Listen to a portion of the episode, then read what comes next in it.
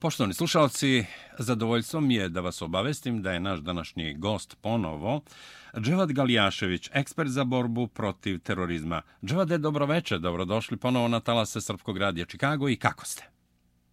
Dobroveče i hvala vam lijepo, zadovoljstvo je moje. Kako ste? Jeste dobro, što bi rekao narod u Bosni i Hercegovini, u ovoj fertutmi sa pandemijom koronavirusa?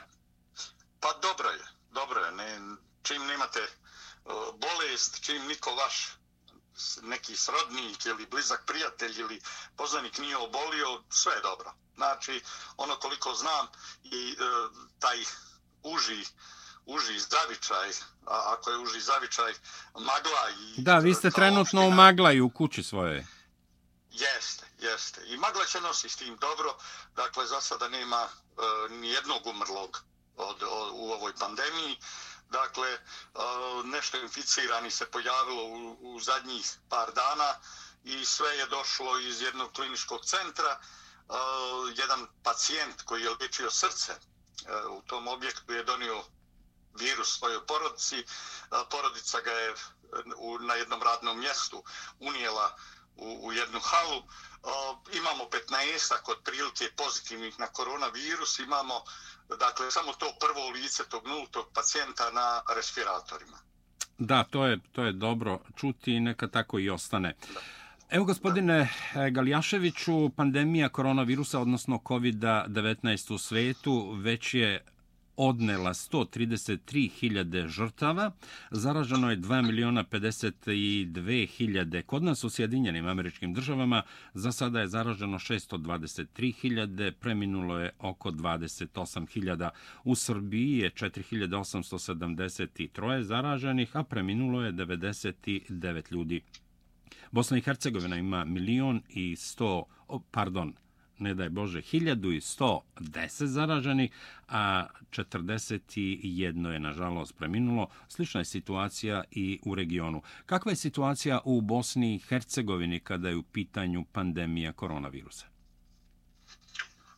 Pa u stvari e, ovoj pandemiji se suprotstavljaju dva e, odvojena sistema koji pokazuju elemente saradnji u ovoj borbi, ali dva potpuno odvojena sistema u smislu e, planova, procedura, finansiranja e, i svega drugog. Dakle, to je e, prvi sistem je Republika Srpska, drugi sistem je Federacija Bosne i Hercegovine. Dok u samoj Republici Srpskoj vidimo jasnu e, političku volju i vidimo određeno jedinstvo i u ovim socijalnim i političkim mjerama, pogotovo ovim mjerama socijalne distance i planiranje e, i sprečavanje kontakata kako bi se umanjila mogućnost zaraze, e, dok vidimo dakle jasne državne mjere, pa čak i mjere koje se najavljuju kao restriktivne i teške i u dane uskrsa, dakle i koje su dogovorene sa Srbijom.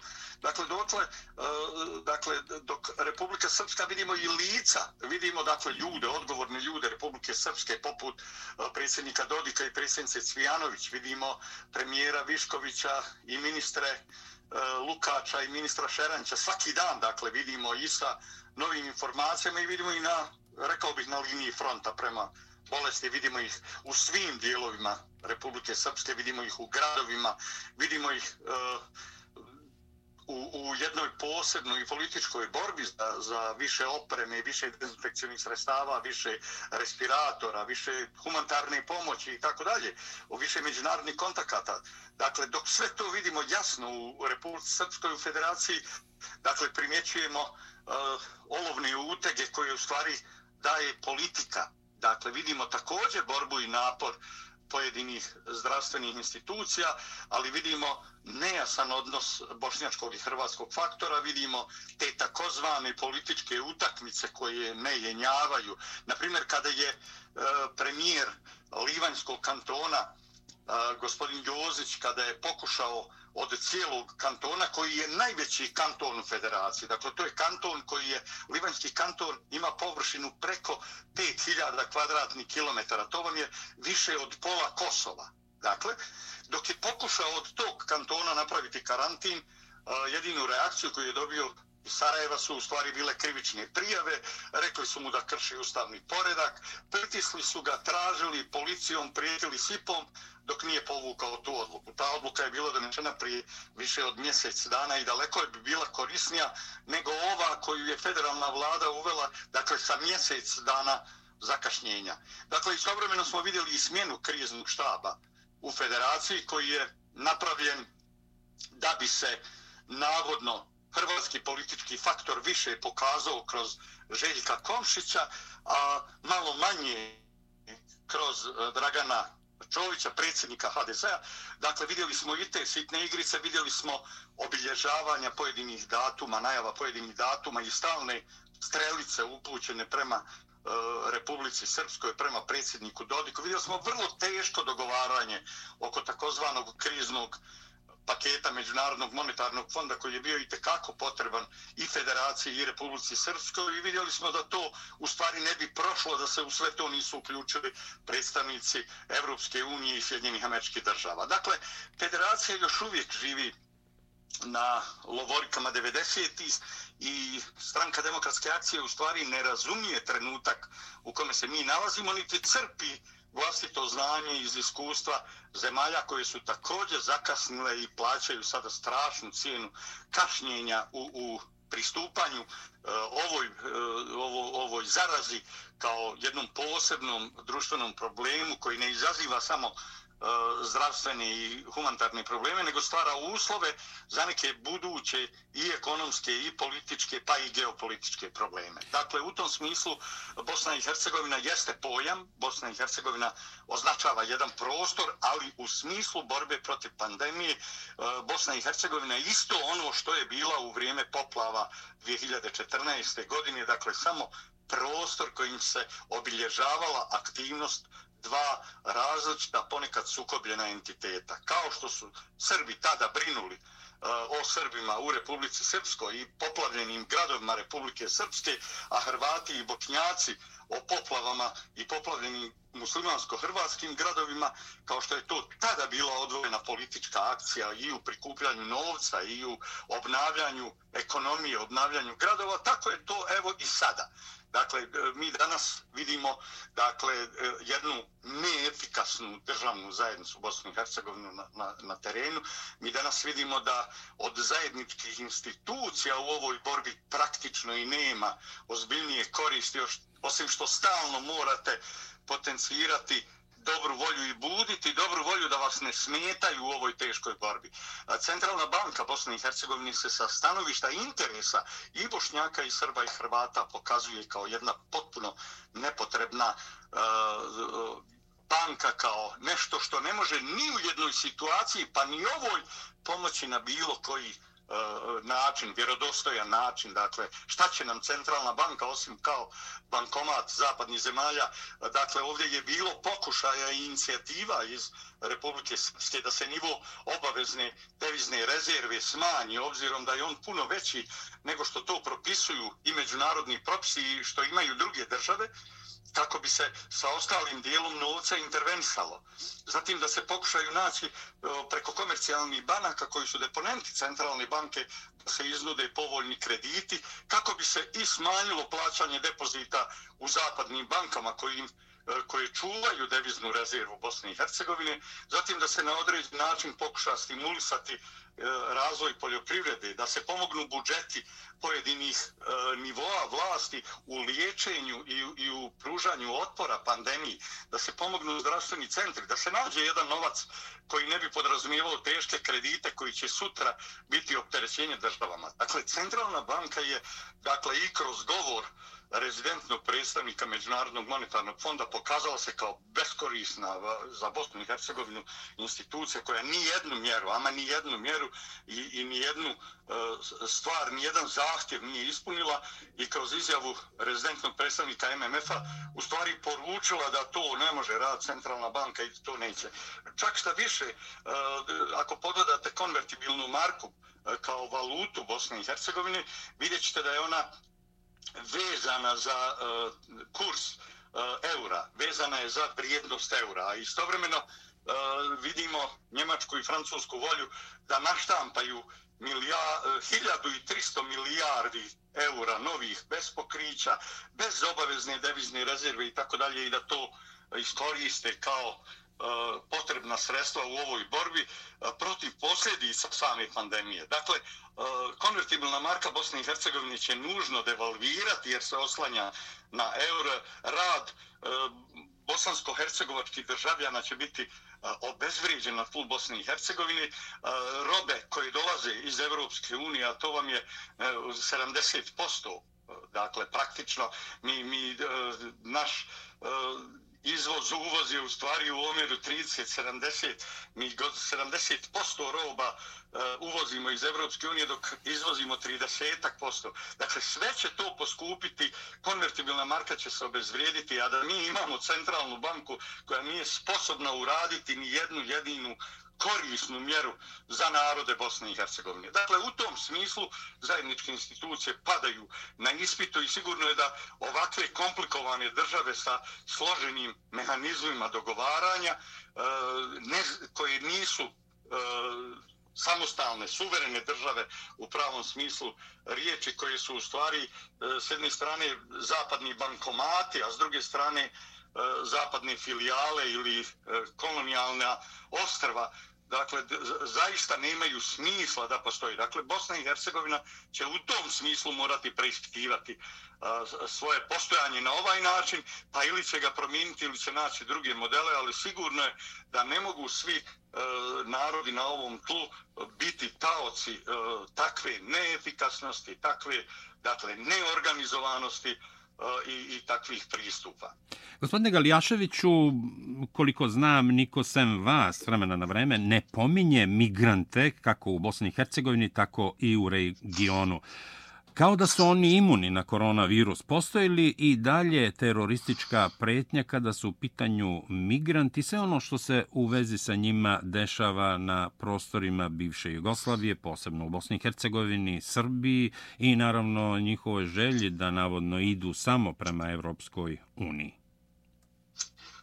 Ovi migranti koji su došli u Bosnu i Hercegovinu ostaće u Bosni i Hercegovini. Dakle, to je jasno sada.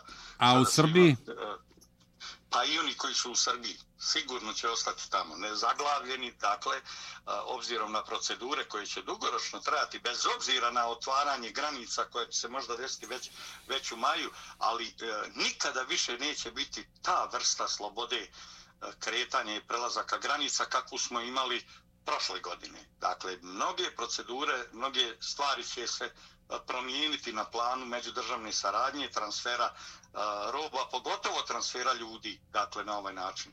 Dakle, čini se da ovdje vidimo jednu, jednu politiku koja je uh, imputirana Bosni i Hercegovini, dakle, odnosno onim politikama koje su prihvatile migrante, a mi znamo da su migranti isključivo locirani na E, tlu Federacije Bosne i Hercegovine, dakle muslimansko-hrvatske federacije, muslimansko-hrvatskog entiteta i da je Republika Srpska odbila da, da budu na njenom tlu e, iz hiljadu razloga i sada se vidi da su ti razlozi, dakle, s jedne strane bezvjednostne prirode i to je neupitno, a s druge strane i zdravstvene prirode. Oni žive u neuslovnom e, smještaju, oni mogu biti i novi izvor zaraze i novi potencijal koji zaraza može da ostvari preko njih. Dakle, kada, kada vidimo zaraznost samo, samog COVID-19, dakle, kada, kada pogledamo način na koji se on prenosi, puteve, prenošenje i tako dalje, mi u stvari možemo zaključiti da su migranti danas dvostruka opasnost. Oni su uvijek bili bezvjednostna prijetnja uh, i uvijek vam je bezvjednostno, bezvjednostna prijetnja organizovane grupe koje se prilično agresivno ponašaju, a čiji identitet vi ne možete utvrditi dakle, pojedinci koji vi ne znate ni ko su, ni šta su, ne znate im imena, ne znate im porijeklo, onima, onima sudite na osnovu nekih potvrda koje su dobili u turskim kampovima, a ne na osnovu validnih dokumenta. Oni vam kažu da su iz uh, Alžira, Tunisa, iz Maroka, iz Pakistana, iz Afganistana, Dakle, ali vi znate da u zemljama Magreba, ni u Alžiru, ni u Tunisu, ni u Maroku, ni u Pakistanu nema rata. Dakle, oni nisu onda pobjegli od rata. Od kog su u stvari ovi migranti pobjegli? Oni jesu, zaista. I to je tačan podatak. Oni su pobjegli od rata koga su izgubili. Oni su pobjegli od rata u Siriji, u kome su doživjeli poraz od sirijske i ruske vojske. Oni su vojnici, u stvari, poraženi džihadisti Al-Qaide, Fajla Krahmana, Slobodne sirijske armije, uh, islamske države, Isila, dakle, Nusra fronta i tako dalje. Dakle, oni nisu uh, migranti, uh, oni su ilegalno ušli u zemlju. Postoji jedan pojam ilegalne migracije, dakle, ali one se otprilike, one, one samo svjedoče o tome da su uh, E, ciljevi tih lica koji su uh, ušli u vašu zemlju ilegalno, da su ciljevi ispravni, poboljšanje života, bolji uslovi života, zaposlenje i tako dalje, ali da je uh, u ostvarenju tih ciljeva pribjeglo se ilegalnom ulazku. Oni nisu ni ilegalni migranti, dakle oni su lica koja ilegalno ulaze, koji uh, nemaju potvrde ni dokaze o vlastnom identitetu, što je uslov da pređu uh, Eh, vašu granicu, oni su lica koja nemaju nikakav kontakt sa matičnim državama. Dakle, i ne žele eh, arbitražu, pomoć, učešće i djelovanje matičnih država. To o njima govori kao o bezbjednostnom problemu i u njihovim matičnim državama i jasno je da su tim prije eh, zaista ozbiljan problem i u samoj Bosni i Hercegovini. Čini se dakle da je politika i Sarajeva prema migrantima kada kažu eto nema tamo korone, u stvari nema testova na koronu u migranskim kampovima nema testova na koronu. I oni misle, ako nema testova, nema ni, ni korone. Dakle, oni uh, nekada je neće ni biti svjesni uh, na koji način ovi ljudi mogu uh, urušiti uh, sve ove dobre napore koji su zaustavili trendove porasta uh, i, i zaraze u samoj Bosni i Hercegovini i na ovim uh, teritorijama. Dakle, ti trendovi još uvijek nisu uh, u duhu propisanih brojeva od svjetske zdravstvene organizacije. Dakle, mi ne govorimo o 5% zaraženih ljudi s jedne strane da bismo govorili o epidemiji određene zarazne bolesti, a s druge strane ne govorimo ni o novom oboljenju, o novoj bolesti, pa prema tome ne možemo govoriti ni o pandemiji. Kada bismo govorili o tih 5% zaraženih, dakle, mi bismo na svjetskom nivou govorili o 400 miliona zaraženih,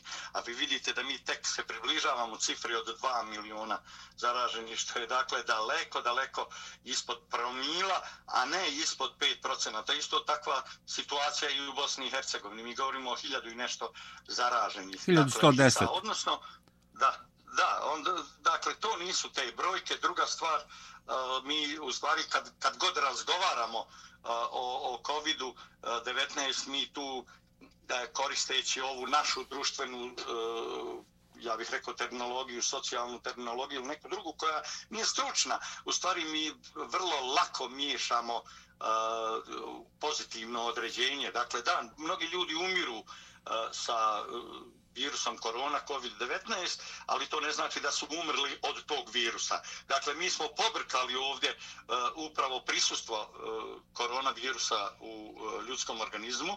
Dakle, uh, ra ne razlikujemo sposobnost tog virusa da e, postigne takozvanu infektivnu dozu i da zarazi taj organizam, ne razlikujemo kontagioznost od virulentnosti, dakle zaraznost od oboljevanja, od sposobnosti da se izazove oboljenje. Mi praktično još uvijek, e, kada govorimo o korona pozitivnim licima, tretiramo ih kao oboljeli, što je besmislica. Dakle, niti su oboljeli pitanje, oni su došli u kontakt uh, sa koronavirusom kao što vi i ja možemo doći u kontakt sa DNK materijalom nekog lica koji je poginuo prije 300 godina. To ne znači da je on živ ako na nekoj e, kvaki, na nekim vratima, na nekom kamenu ima njegov trag DNK. To ne znači da ste se vi zarazili tim DNK ako ste došli u kontakt sa njim. Naravno, ovdje je mnogo toga napravljeno pogrešnog i to upravo zahvaljujući, zahvaljujući e, lošem, tendencijoznom djelovanju svjetske zdravstvene organizacije i da vam pravo kažem, potpuno razumijem predsjednika Trumpa kada je danas poslao žestoke poruke toj uh, svjetskoj zdravstvenoj organizaciji, dakle i kada je rekao nećete više dobiti novca jer ga niste, niste zaslužili. Dakle, vidimo, ono, ono što vidimo, dakle, što vidimo i mi odavdje iz Bosne i Hercegovine, vidimo jasno da se predsjednik Trump, e, predsjednik Sjedinjenih američkih država i, pre, i premijer Johnson, premijer Velike Britanije, mi ćemo reći nisu snašli. Ja bih rekao nisu bili obaviješteni o tome šta se dešava. Dakle, zamislite dvije uh, najmoćnije države, dva najmoćnija obavještajna sistema u ovim državama, da dozvole da tri mjeseca njihovi prvi i najvažniji ljudi ne budu obaviješteni o mogućim posljedicama i da u skladu s tim ne donesu određene mjere. Da Johnson rizikuje život, da bude bolestan, zamislite da predsjednik Trump luta praktično do marta u, u određenim i procjenama i analizama i govorima. Dakle, to govori o potpunom uh, odsustvu racionalnog pristupa s jedne strane svjetske zdravstvene organizacije, ali s druge strane i o uh, ja bih rekao, igri, obavještajnoj igri koji su unutrašnje obavještajne strukture zaigrale protiv svojih najvažnijih ljudi. Dakle, e, CIA je morala imati informaciju šta se dešava u Wuhanu i koliko je, koliko je sama mutacija virusa e, korona, poznatog virusa, virusa za koga znamo dakle, e, gotovo 60-70 godina, od 62. godine. Dakle, koliko je ta mutacija sada zaraznija, koliko je invazivnija i šta može izazvati. To obavještanje službe su morale znati barem ovih obaviještenih zemalja. Vidjeli smo da je taj pristup u stvari spremnog dočekivanja tog pandemijskog udara, dakle, e, s jedne strane imala e, Njemačka, s druge strane imala Rusija, ali to nije spriječilo e, širenje bolesti, bez obzira što su spremno reagovali, poduzeli adekvatne mjere, vi ipak vidite da čak i po takvim mjerama ovaj virus ima takvu stopu zaraznosti kakvu do sada nismo, nismo se susretali. Naravno, ovdje u svemu ima i biznisa, ima i biznisa praktično testove na prisustvo koroni, dakle, koji, i čiji rezultati nama daju ove brojke o kojima stalno govorimo, te testove je uradio jedan e, njemački virolog, Christian Drosten, pripadnik naravno svjetske zdravstvene organizacije, ali on je to uradio e, sedam dana posle uh, e, epidemije u Wuhan. Dakle, zamislite da imate 17. decembra nultog uh, bolesnika, nultog pacijenta otkrivenu, dakle, uh, praktično uh, komplikacije izazvane koronavirusom u Wuhanu, a da već u januaru svjetska zdravstvena organizacija dijeli testove koji su potpuno uh, neprecizni, koji su netačni, koji uh, imaju, ja bih rekao, vjerodostojnost tek ispod 30% dakle, nepouzdani su i tako dalje, ali to nije spriječilo da Christian Drosten bude danas puno bogatiji nego što je bio u januaru kada je ove testove patentirao. Dakle, sve te igre uh, u koje očigledno nisu uključeni nisu uključeni vodeći ljudi Sjedinjene američke država i Velike Britanije. Naravno, otvaraju mnoge, mnoga druga pitanja, ali e, ne kao uh, E, obavještajne teme koje su došle s polja ili obavještajne igre koje su poduzele neke druge države, nego odnos e, obavještajnih zajednica u ovim zemljama koji je u stvari bio apsolutno neprimjeren, e, koji je bio vrlo loš, a nismo vidjeli da je smijenjen niko ni iz FBI-a, ni iz CIA, ni iz NSA, dakle ni iz jedne strukture koja je morala znati šta se sprema Sjedinjenim američkim državama. Kao da je neko htio da vidi te vreće sa leševima i leševe na ulicama najvećih američkih gradova, kao da je neko htio takvu atmosferu sa pacovima na ulicama i tako dalje, kao da je neko prosto želio da premijer Velike Britanije bude životno ugrožen. Dakle, to službe u ovim zemljama su neadekvatno pripremile vlast za donošenje važnih odluka u ovako teškim trenucima. Dakle, tim, u tom smislu i Bosna i Hercegovina ne možete puno očekivati od jedne neorganizovane države, e, jednog e, posvađanog društva koje e, još uvijek ima iskopane rovove koji, koje ima svako svoju istinu, dakle i istine su već u rovovima, one su nepromjenjive. To su tri različite nacionalne e, ratom sukobljene, mržnjom ispunjene istine o, o ne samo onih 90. godinama i ratovima 90. nego e, protegli smo mi te mržnje hiljadu godina unazad. Našli smo razloge da prepoznamo ko je gdje u istoriji prema kome pogriješio i zašto smo e, danas u ovakvim pozicijama.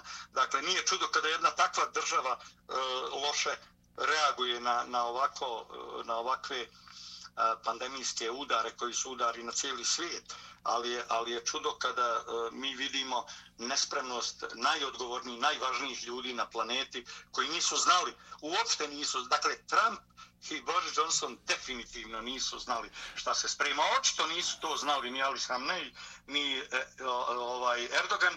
Očito ni Iran, ni Turska nisu bili pripremljeni za cijelu ovu igru.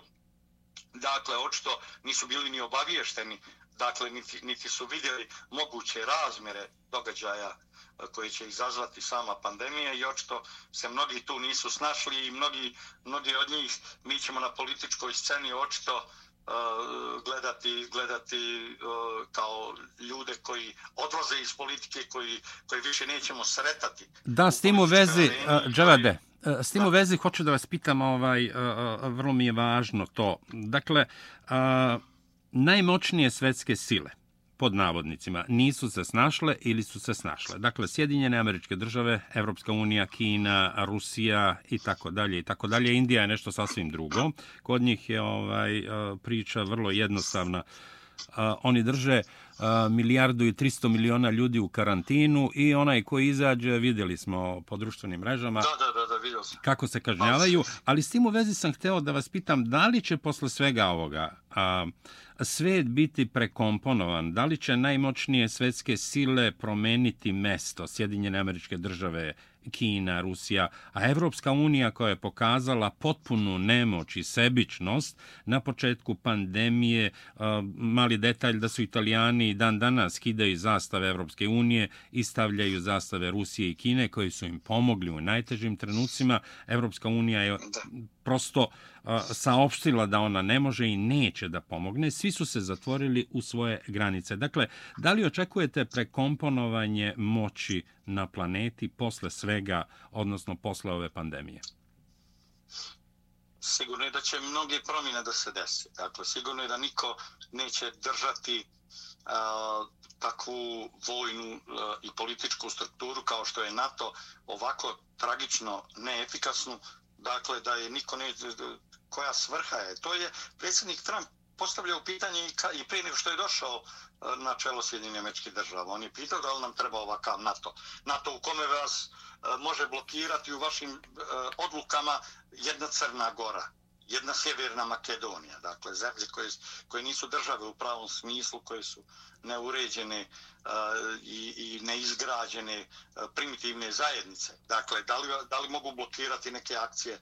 Vel, teoretski mogu, dakle, obzirom kad govorimo o, o aktima i dokumentima, uh, praktično one su vam beskorisne. Dakle, takve beskorisne uh, partnere niko više neće držati. Dakle, prvo neće biti potrebni NATO. NATO će morat preispitati svoju organizacijenu strukturu i svoj način postojanja. S druge strane, Evropska unija koja se pokazala uh, ne samo nehumanom, nego i tragično neefikasnom, uh, nekorisnom strukturom.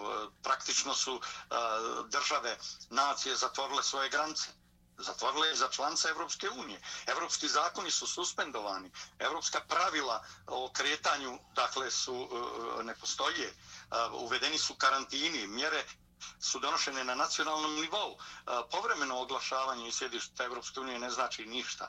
Dakle, i dalje e, Njemačka i, e, i Francuska finansiraju takvu, takvu Evropsku uniju, ali je sigurno da se moraju zapitati treba li im ovakva Evropska unija sva puno beznačajnih članica i beskorisnih na koje morate trošiti samo novac. Takva pitanja naravno postavljaju i one organizovane države žele li biti dio takvih integracija, žele li zaista E, Orbanova Mađarska biti dio ovakvih e, zajednica želili na ovaj način, dakle, želili svoju monetarnu suverenost e, pripisati Evropsku uniju, žele li jednu valutu ili žele Evropsku uniju ograničenog suvereniteta određenih zajedničkih činila, imenilaca i činilaca koji u stvari ne bi dirali u državni suverenitet koji je tako potreban u, ovim, u ovakvim prilikama katastrofa, bolesti i tako dalje. Dakle, sigurno da, da će svijet izgledati drugačije posle ovoga i sigurno je da mi vidimo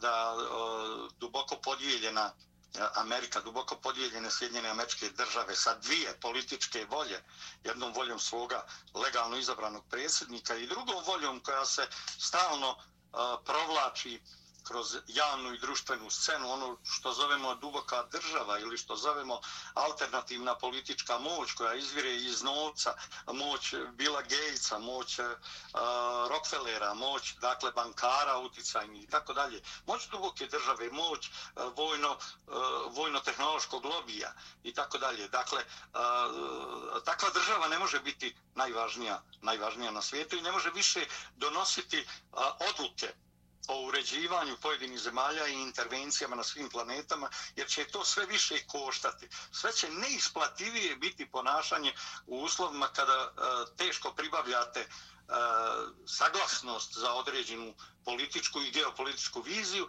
s jedne strane i s druge strane teško nalazite partnere za one politike koje ste do tada e, vodili. E, na drugoj strani mi u Rusiji praktično već 20 godina, od 2000. godine, od dolaska predsjednika Putina, dakle vidimo i jednu jasnu političku volju, jedan jasan politički program i vidimo jasnu političku viziju. Dakle, tu promjene nema. Rusija se vratila na, na svjetsku scenu snažno, dakle ona je vratila se i u diplomatskoj sferi, to se vidi, njen diplomatski utjecaj je sve veći i veći, ona se vratila i na Bliski istok, gdje je hrabro zakoračila u rat koji može istrpljivati njenu e, finansijsku moć, ali je hrabro i u, e, u tom ratu nastupila i hrabro pobjedila pobjedila. Dakle, ona je, u stvari, Rusija je snažno srušila i islamsku državu i, i razara praktično terorističke organizacije koje kontrolše Al-Qaida.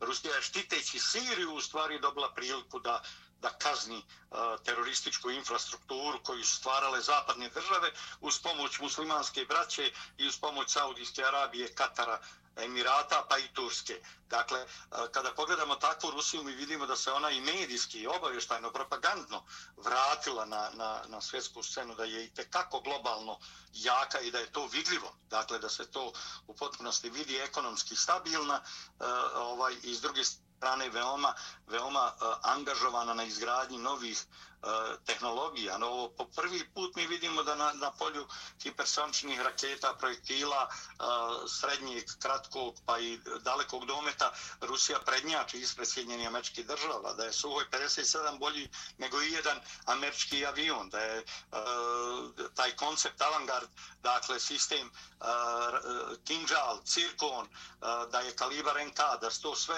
danas raketni sistemi kakve Sjedinjene američke nemaju, države nemaju, da da je to daleko iznad patriota, iznad američkih projektila i raketa tih vrsta dometa, ako, ako posmatra mogućnosti. Dakle, danas, dakle, Rusija s te strane, a Kina sa one pozicije ekonomske moći, Eh, dakle su se vratile zaista i mi ćemo u, u budućnosti dakle imati tri zaista uh, svjetske sile. Sjedinjene američke države svjetska sila neupitna. Ona, ona će još dugo po inerciji držati veoma važnu moć. Dogod dolar ima taj značaj kao najvrednija roba na planeti, kao mjera svih roba i mjera svih uh, društvenih uh, E, potencijala, dohodaka, e, mogućnosti, dakle, i, i vrijednosti, e, sposobnosti država onih ekonomskih, finansijskih, komercijalnih, dakle i dalje je dolar mjera svega, svega toga praktično.